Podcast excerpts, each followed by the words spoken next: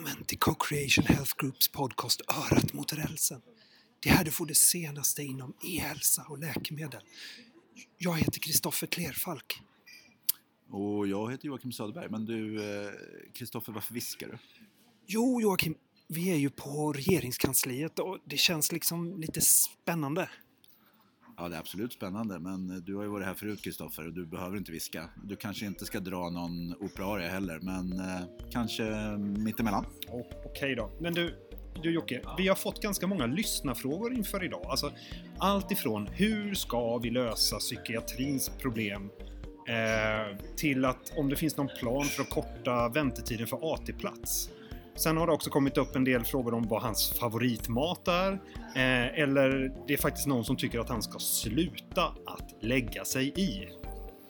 Ja, men det är kul att folk hör av sig, att vi har engagemang för alla de som lyssnar på oss. Men eh, vad menar man med att en minister för folkhälsa, sjukvård och idrott ska sluta lägga sig i? Är det inte det han ska hålla på med? Jo, äh, ingen aning. Vi får helt enkelt fråga honom kanske. Om det är någonting han inte vill lägga sig i.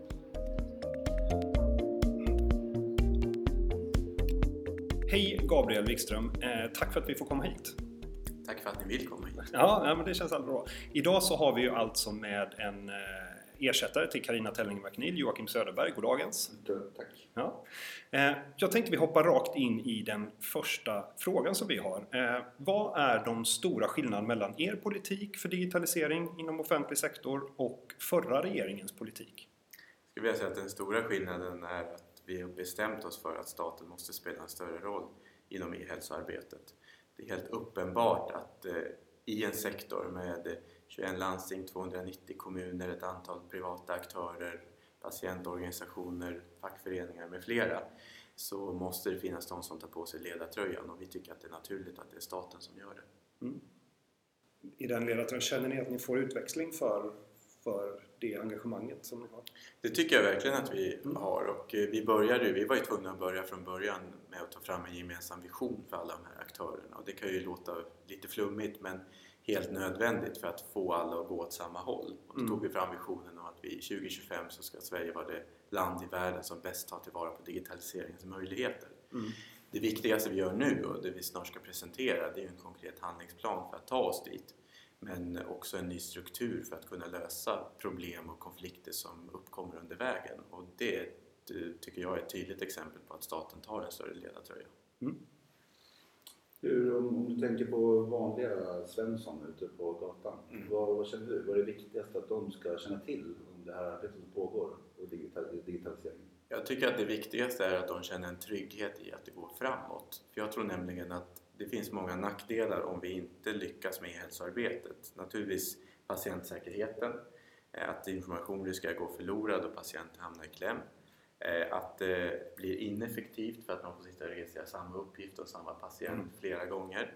Eh, men det allvarligaste det är att vi lever i en tid när vi alla lever mer eller mindre våra liv på internet. Mm. Vi har våra banktjänster, bokar våra resor, träffar kärleken. Men när vi kommer till hälso och sjukvården så flyttas vi 30-40 år tillbaka i tiden. Och vad jag tror kommer att hända är att inom en snar framtid, om vi inte kommer framåt på det här området, det är att människor kommer att fråga sig om hälso och sjukvården inte har hängt med när det gäller digitaliseringen, vad är det mer man inte har hängt med på? Har man inte hängt med på den medicinska utvecklingen heller? Så det är förtroendet för hälso och mm. sjukvårdssystemet som står på spel. Mm. Tror du vi har en situation där, de, där allmänheten inte riktigt vet det här? Att man tror att vården ligger längre fram digitalt än?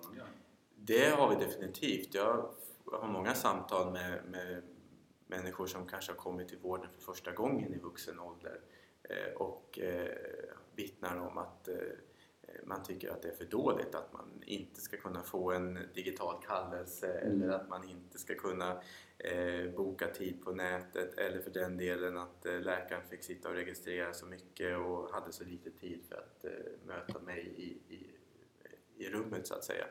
Så att det där händer redan idag men jag tror att det, vi har några år på oss där vi kan vända utvecklingen och det kan vi, där vi kan visa att vården faktiskt hänger med.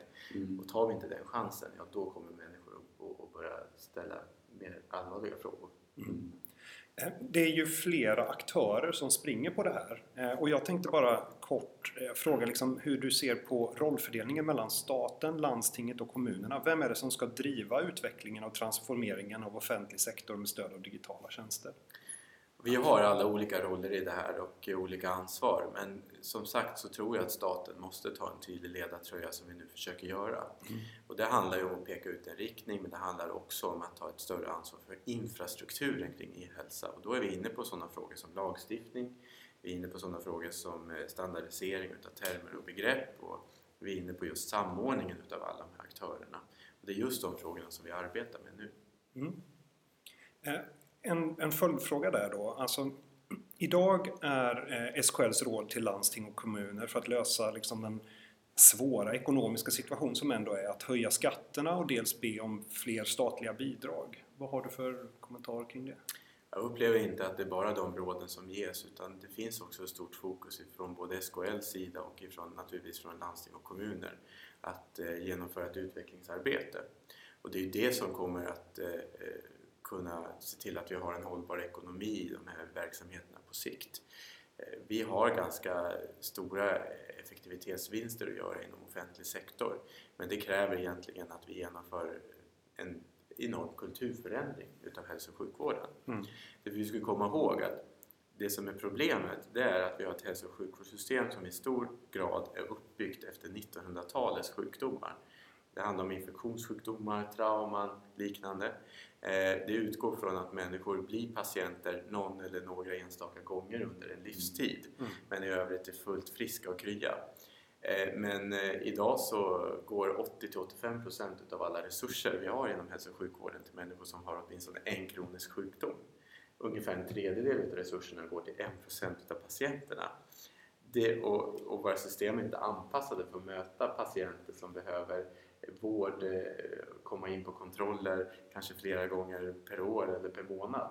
Och det är den kulturförändringen som måste till och i den eh, svängen så tror jag också att vi kommer göra en del effektivitetsvinster och där kommer e-hälsan att spela en jättestor roll. Hur ser du på den i förhållande till den här ledartröjan? För jag håller verkligen med. Jag tror att det här är ingen teknikfråga. Det är en kulturfråga, organisationsfråga. Och där har ju staten traditionellt inte haft så stora möjligheter att, i och med det kommunala självstyret. Hur Nej. ser du på ledartröjan i den här eh, mjuka rollen så att säga med kultur? Och den är ju naturligtvis svårare att ta men eh, ack så nödvändig. Därför att det här är en... Jag menar, när man pratar om stora kulturförändringar oavsett vilken organisation eller sektor det handlar om så börjar det alltid med att man måste visa ett tydligt ledarskap. Och det måste utgå från ett antal grundvärderingar och principer och dessa måste genomsyra hela verksamheten. Mm. Det är naturligtvis en enorm uppgift i en så komplex verksamhet som Mm. hälso och sjukvård med så många aktörer och så, så, så avancerad verksamhet som det också finns. Och det är just det som vi just nu som vi håller på att förbereda på Socialdepartementet. Det är en stor reform av hälso och sjukvården. Den kommer att pågå under många, många år.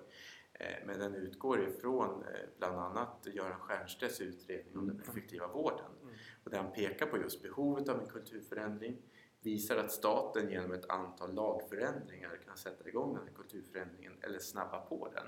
Men att man därutöver också behöver ha en, mer utav statligt inflytande för att se till att den dagliga verksamheten så att säga går i rätt riktning. Det betyder inte att staten tar över hälso och sjukvården men det betyder att staten måste spela en större roll än vad man har gjort tidigare. Mm. Eh, På tal om det här med att göra förändring så eh, om jag var en fluga på väggen när beslutet att flytta E-hälsomyndigheten togs av regeringen vad hade jag fått höra då? Och vilka argument för och emot flytten eh, diskuterade ni? Du hade fått höra ungefär samma argument som eh, du fick höra på pressträffen när man Mm. presenterade flytten utav E-hälsomyndigheten.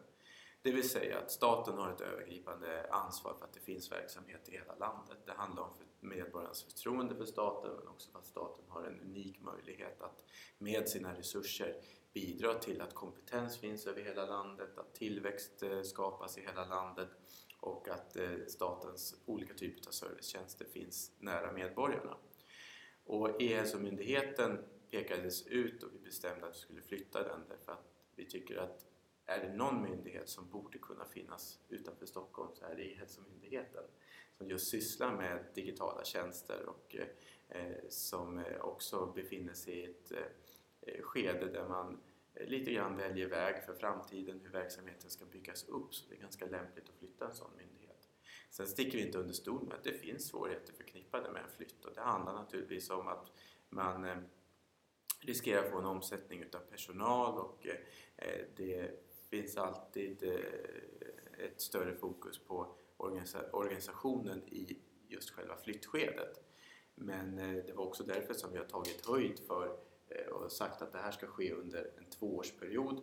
Man har fått extra pengar eh, och vi har sagt att de eh, delar som är mest vitala för e-hälsoutvecklingen eh, och för de prioriteringar som staten gör på e-hälsoområdet, de ska finnas kvar i Stockholm och inte beröras av själva flytten. Mm. Ser du någon risk med liksom signalvärdet i flytten kontra visionen om eh, bäst hälsa?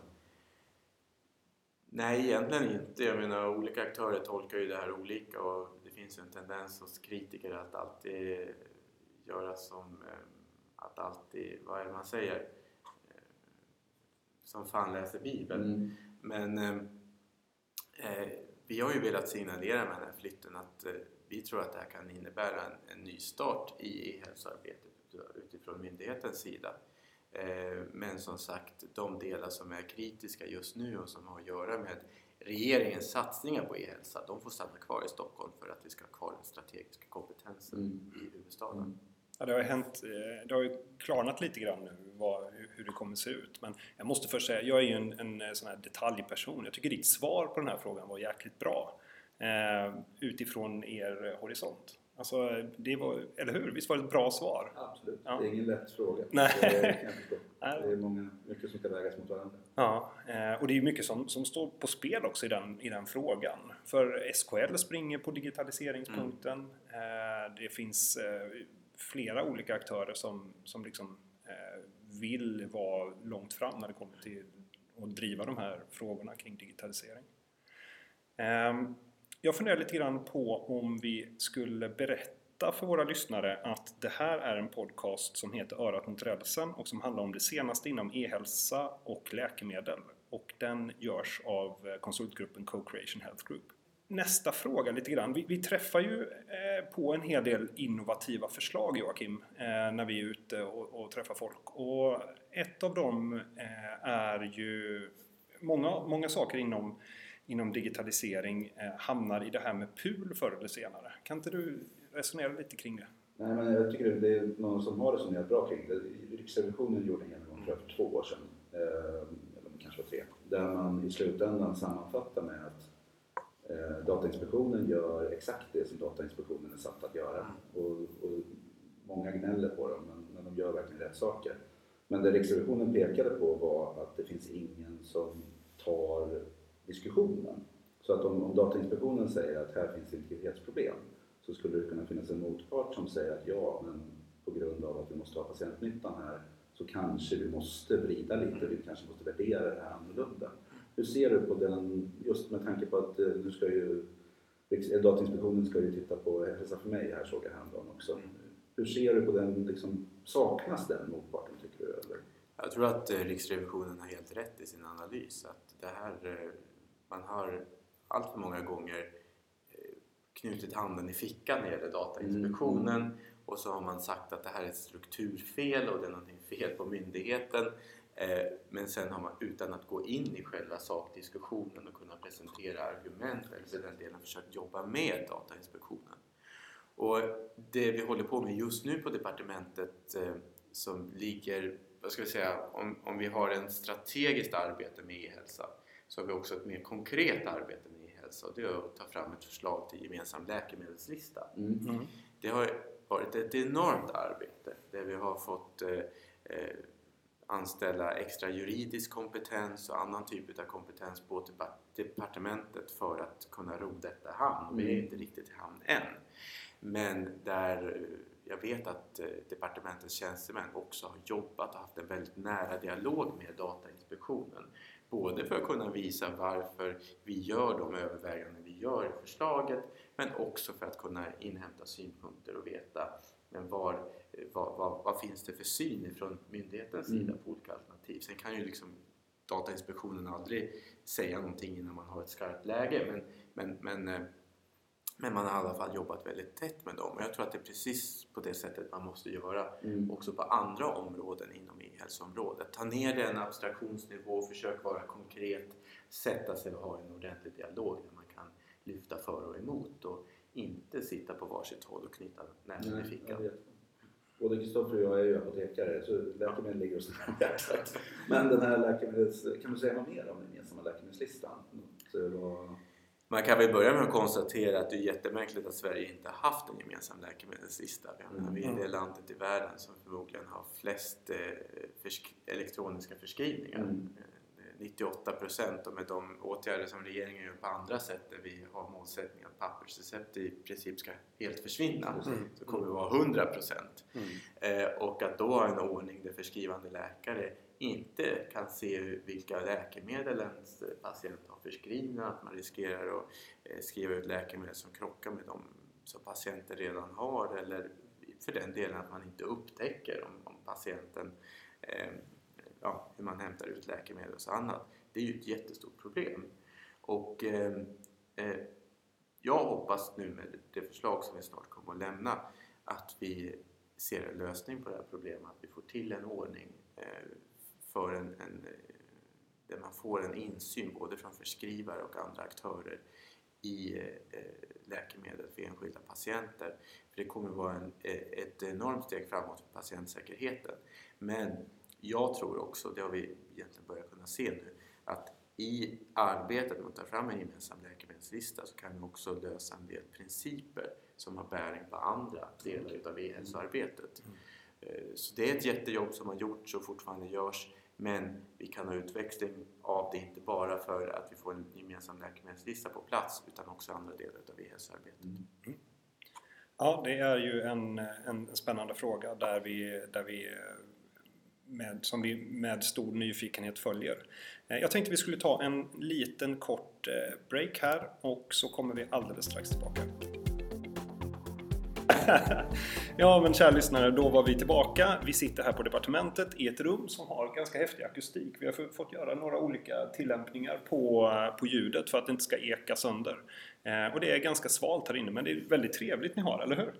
Jättetrevligt och du Ja. vet väl att hjärnan fungerar bäst vid 16 grader? det är därför jag älskar vintern. Härligt.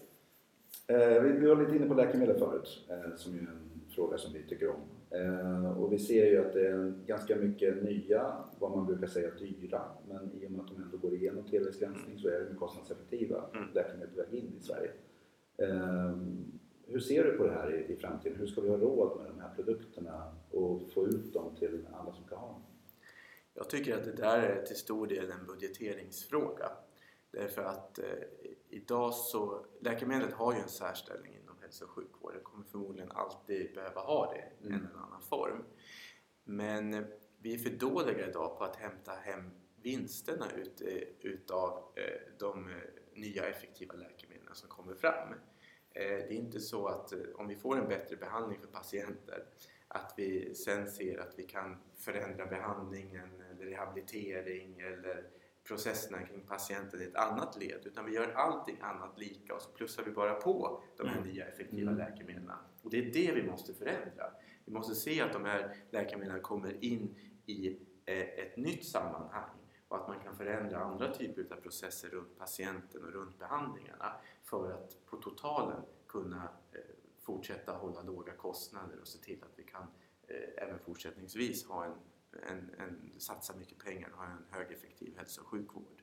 Så, så jag tror att vi befinner oss i en brytningsskede nu där vi eh, som alltid, alltså det kommer nya innovationer eh, som riskerar att tränga ut annat men det är för att man inte har gjort läxan fullt ut. Mm. Jag kan tycka också, nu, en disclaimer där, att jag har en bakgrund i läkemedelsindustrin Ja. även om det är några år sedan nu. Men jag kan känna också att det här med nyttan, att man, det kommer nya läkemedel och de gör nytta. Men det är lite känsligt att prata om det. För om man säger att shit vad de här var bra de här produkterna, Mm. då ses det som att man sitter i knät på läkemedelsindustrin. Och om industrin säger att shit vad bra produkterna var, då ses det inte som en trovärdighet. Mm. Hur, hur ser du på den här nyttovärderingen och hur man når ut med det också? men det är därför som det är helt centralt att, att våra myndigheter på det här området har en hög trovärdighet och att vi har processer som är transparenta och som i sin tur åtnjuter ett högt förtroende. Mm. Därför att eh, då tror att vi kommer komma ifrån den diskussionen. Mm. Eh, Och det är också därför som vi nu har tillsatt en utredning för att göra den första stora översynen utav hela prissättningssystemet på läkemedelsområdet. Eh, Och eh, det, den tror jag den är oerhört spännande i sig men den tror jag kommer att, att innebära att vi kan utveckla systemet så att det åtnjuter ännu högre förtroende i framtiden men att vi också kan hitta system som bättre än idag kan eh, hänga med utvecklingen. Mm.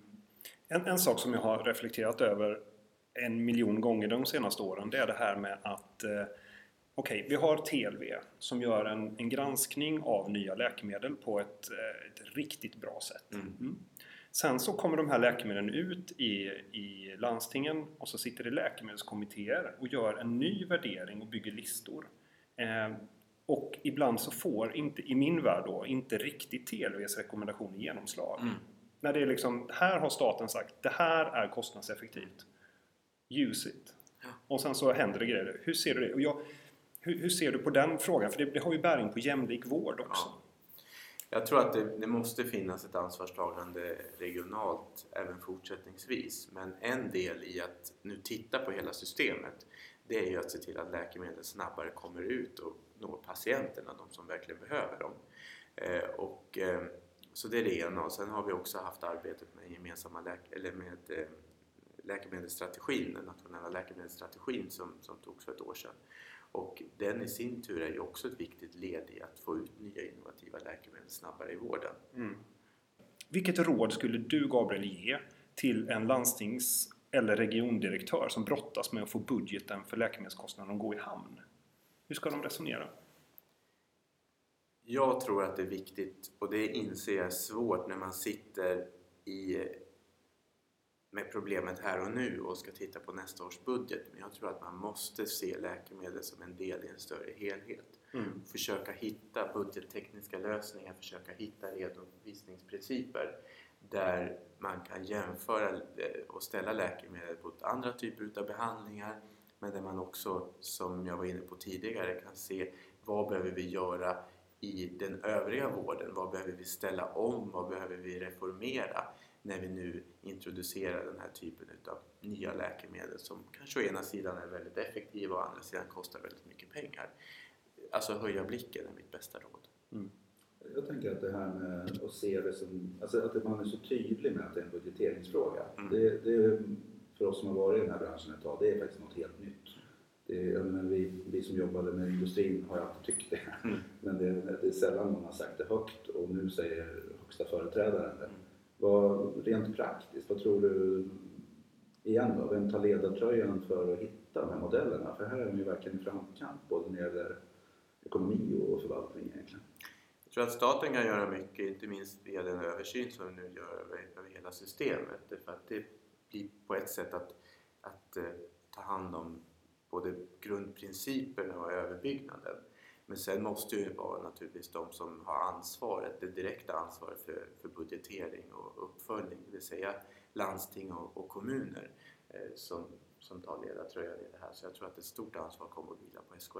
Mm. Att ta fram, för det handlar egentligen om nya principer. Det handlar om nya principer och jag menar många gånger så visst det är stora kostnader men det, många gånger så är det stora kostnader för enskilda kliniker. Tittar Mm. man på ett, ett landstings totala budget så är det ganska lite pengar det handlar om. Och nu vet jag att det sitter säkert väldigt många och, och hoppar på stolarna och att, att, att det där är för svepande formulering men, men, men eh, i realiteten är det ju faktiskt så. Det, man, man, eh, det, det är kärvt, det är besvärligt, det, man kan ibland anse nya läkemedel som en katastrof för verksamheten men det är för att man har tittat på en, en för liten del utav organisationen. Man måste ha helhetsbilden med sig. Vi som jobbar med det här, det kanske också är lite raljerande egentligen, men vi har ju, brukar ju säga att det, det är en liten del av läkemedelsbudget men det är en väldigt stor del av den delen av budgeten som är mätbar.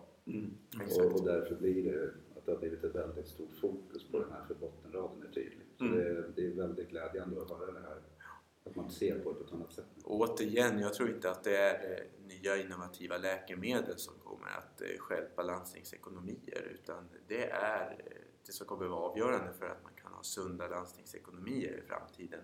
Det är att man lyckas med, med det som vi var inne på tidigare. Ställa om hälso och sjukvården så den är bättre anpassad för de patienter som har de största behoven Mm. idag. Mm. Vi har alla läst om de här berättelserna om, om patienter som ofta multisjuka äldre som kanske har besökt sjukvården 70-80 gånger på ett år utan att riktigt fått hjälp med sina besvär utan Mm. bara slussats runt i systemet. Och eh, uträkningar visar ju att det hade varit billigare att heltidsanställa en sjuksköterska för respektive Mm. patienten och, och göra Mm. det man har gjort. Va? Och där ser man ju att det finns ganska mycket resurser att hämta in eller åtminstone använda på ett effektivare sätt. Och det är där som den stora utmaningen ligger. Mm. Jag vill ta tillfället i akt och zooma ut lite grann eh, på Europanivå. Och I och med Brexit så har diskussionen börjat om att flytta EUs läkemedelsmyndighet EMA från London.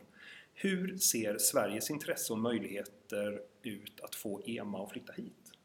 Jag tror att vi har väldigt stora möjligheter att eh, få EMA hit därför att eh, Läkemedelsverket, det svenska Läkemedelsverket, är ju den myndighet efter den brittiska som har egentligen mest, ans- eh, mest att göra med EMA. Vi har eh, alltså ansvar för en stor del utav processerna och rapporteringen eh, och är mycket väl ansedd i övriga Europa.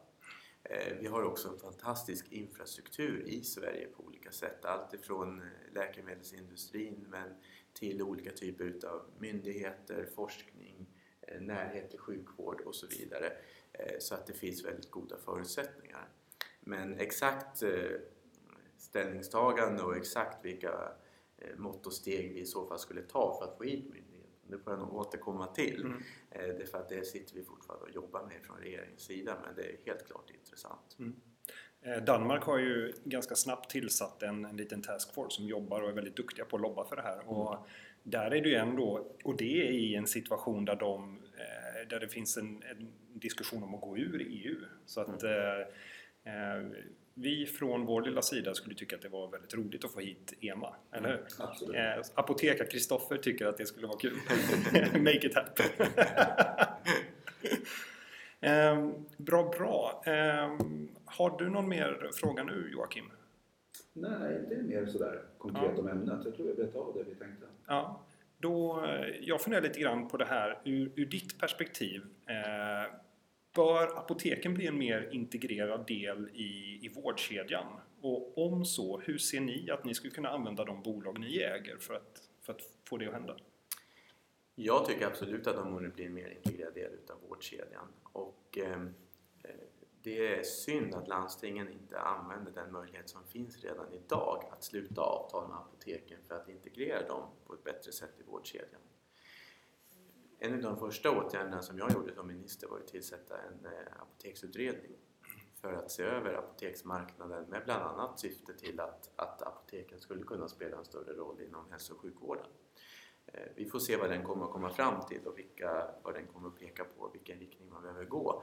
Ehm, men eh, det är helt klart att staten, precis som du är inne på, via framförallt Apoteket AB skulle kunna kliva fram och, och gå i bräschen på det här området. Och, och I alla de dialoger som jag har med bolaget och när vi ser över ägaranvisningar och annat så går vi just i den riktningen och pekar på det samhällsansvar som statens bolag faktiskt har. Inför den här eh, podcasten så har vi fått ett ganska stort intresse från, eh, från lyssnare som har hört att ah, kan inte fråga det här och, eh, och så vidare. Och en röst som gjorde sig hörd var som tyckte att du skulle sluta lägga dig i saker. Och då undrade vi lite grann hur konstruktivt det var. Men finns det någonting som du inte vill lägga dig i? Det finns säkert massa saker men jag skulle vilja säga att det största problemet med dagens eh, politik eller den politik vi har haft eh, i det här landet under eh, den tidigare regeringen och som man har på andra håll i världen det är idén om att politiken ska lägga sig i mindre och mindre. Mm. Vi lever i en ganska komplex värld. Det finns väldigt många olika intressen, starka aktörer i samhället både inom nationer och på global nivå. Eh, Politikens uppgift är ju att väga samman de här intressena och se till att vi hela tiden kan se till eh, the greater good, alltså det Mm. allmännas bästa. Och då måste politiken vara beredd att lägga sig i på ett antal områden. Och jag kan ju tänka mig att eh, den som frågar den har säkert sikte på min roll som folkhälsominister. Eh, och där kan jag konstatera att det vore tjänstefel utav mig att inte lägga fram förslag och inte diskutera lösningar som Mm. handlar om att, att få ner rökningen, få ner alkoholkonsumtionen, se till att vi kan förbättra förutsättningar för att folk ska röra på sig mer, äta bättre, eh, vad det nu kan vara för någonting. Mm. Därför att eh, med all den kunskap som vi idag har om vad vi behöver göra för att människor ska må bättre då kan inte politiken sätta sig på, på läktaren och säga att Nej, men vi, folk, får göra, folk eh, måste göra det här jobbet själva utan vi måste se hur samhället också kan hjälpa till. Mm. En annan fråga som har kommit in är eh, hur man skulle kunna minska eh, kön för att få AT-plats. Eh, För det, det beskrivs då från flera lyssnare som att ah, jag letar liksom AT-plats och det är jättekö nu. Jag vill, jag vill bli färdig, jag vill jobba. Ja. Liksom. Det där är en paradox eftersom många landsting samtidigt har svårt att eh, få tag i, personal Ja. eh, och brottas med kompetensförsörjning vilket i sin tur får konsekvenser för köerna och tillgängligheten i vården. Eh, Och det som är helt uppenbart är att landstingen har varit för dåliga på att planera och ha en god framförhållning. Till viss del beror det på att de verktyg som staten har erbjudit i form av planeringsstöd och annat har varit för undermåliga. Mm. Och därför så fick Socialstyrelsen i uppgift förra året att ta fram en, ett nytt eh, nationellt planeringsstöd för kompetensförsörjning som ska vara mer dynamiskt och, och, och som har till syfte att faktiskt kunna användas i Mm. vardagen hos beslutsfattare inom hälso och sjukvården. Men vi insåg också att det finns ett stort glapp mellan, mellan å ena sidan utbildningssektorn och å andra sidan hälso och sjukvårdssektorn där man inte riktigt pratar med varandra, samplanerar eh, och tillsammans eh, lyfter blicken och ser några år framåt i tiden. Mm. Och därför har Socialstyrelsen tillsammans med Universitetskanslersämbetet som ju är den centrala myndigheten för, för Sveriges lärosäten fått i uppgift att, att ta fram den här typen utav, utav dialogforum både på regional och nationell nivå. Och då är tanken att man i de här forumna ska mellan företrädare för sjukvårdsregionerna och för eh, lärosätena kunna diskutera och lösa sådana frågor som har med dimensionering utav utbildningarna, vilka utbildningar som finns på plats och inte, eh, men också naturligtvis eh, VFU-platser, AT-platser och så vidare. Va? Så jag tror att det arbete vi har satt igång, det kommer att bära frukt. Inte imorgon, men förhoppningsvis inom några års tid. Mm över till en, en lite personlig fråga sådär. Du verkar leva sunt och när vi följer dig så dyker du upp på samma ställen samtidigt. Du, som i Almedalen till exempel. Du, du, du var liksom på så många ställen samtidigt i vår värld. Eh, hur, eh, vad är din, liksom, eh, ditt lifehack för att få allting att hålla ihop? Fake it till you make it.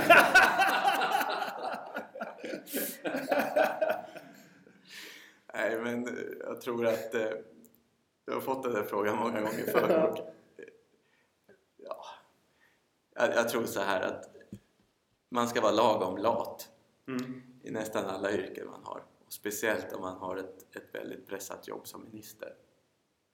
Eh, definitivt inte hålla på med någon micromanaging. Mm.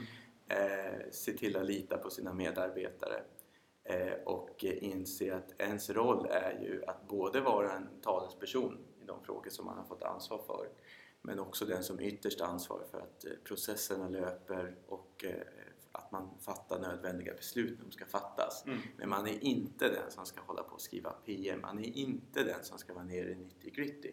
Därför då kommer man ätas upp utav systemet och då kommer man göra ett väldigt, väldigt dåligt jobb. Mm.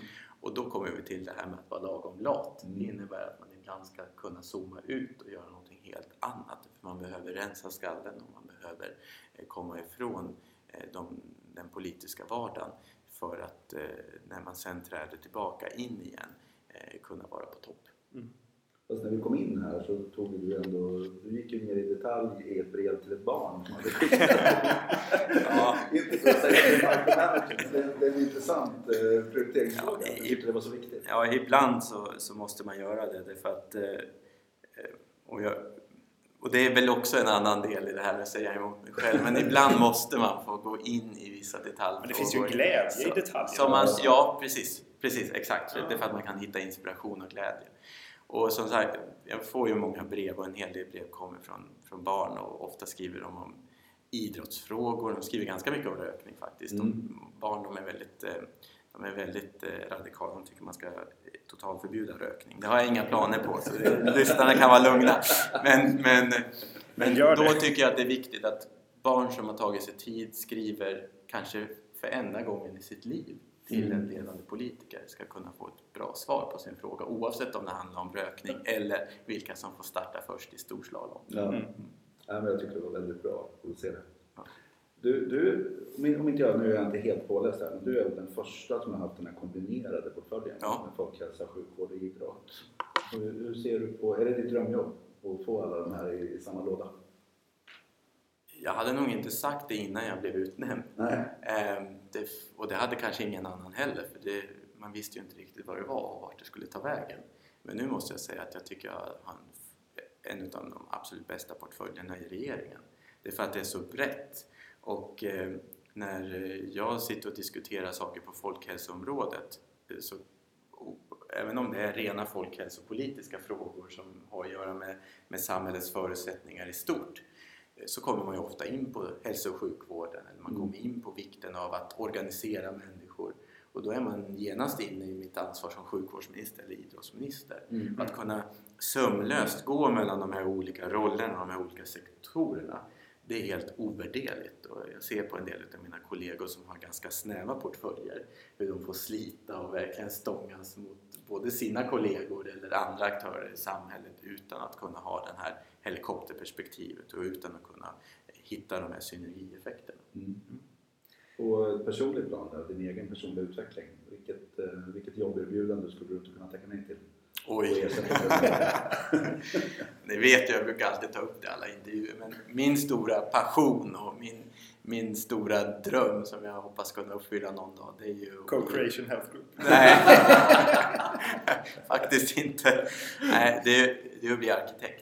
Ja, okej. Mm, Jag älskar arkitektur och eh, jag har kommit in på arkitekturskolan två gånger och fick tacka nej på grund av politiken faktiskt. Så kanske inte skulle vara lämpligt men om jag fick ett, eh, ett erbjudande om att bli eh, topparkitekt hos någon byrå då skulle jag inte tveka att säga ja. Sen skulle nog de ångra sig eftersom jag inte har den där utbildningen men ja, det, det skulle vara jätteroligt. sjukvårds-, idrotts och bostadsminister kanske? Ja, det, Folkhälsoportföljen det är ingen dålig kombination.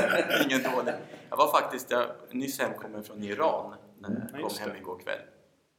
Och eh, där så har faktiskt eh, hälsoministern en bredare portfölj än vad jag har. Han är inte idrott, men han har, han har man kan säga att eh, han förutom hälso och sjukvårdsfrågorna har mycket utav planeringsfrågorna kopplat till folkhälsa och också stadsbyggnad eh, plus att han har ansvar för de medicinska utbildningarna.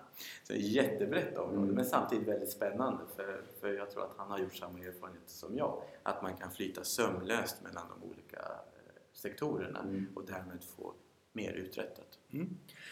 Tack så mycket Gabriel eh, Wikström för att vi har fått komma hit. Och jag måste säga precis som i det här rummet så har ni högt i tak på departementet. Eh, det är kul, vi har kunnat ha en, vad jag tycker är väldigt intressant diskussion. Eh, och kära lyssnare, återkom gärna med inspel, frågeställningar eller vem ni vill att vi ska träffa nästa gång. Ni som lyssnar på det här över jul och nyårsledigheter så önskar vi en, en riktigt, riktigt god jul allihopa. Och så hörs vi snart igen. Hej då! Hej då! Hej då! Denna podcast är gjord av Co-Creation Health Group, en konsultgrupp inom management, e-hälsa och läkemedel. Fake it till you make it.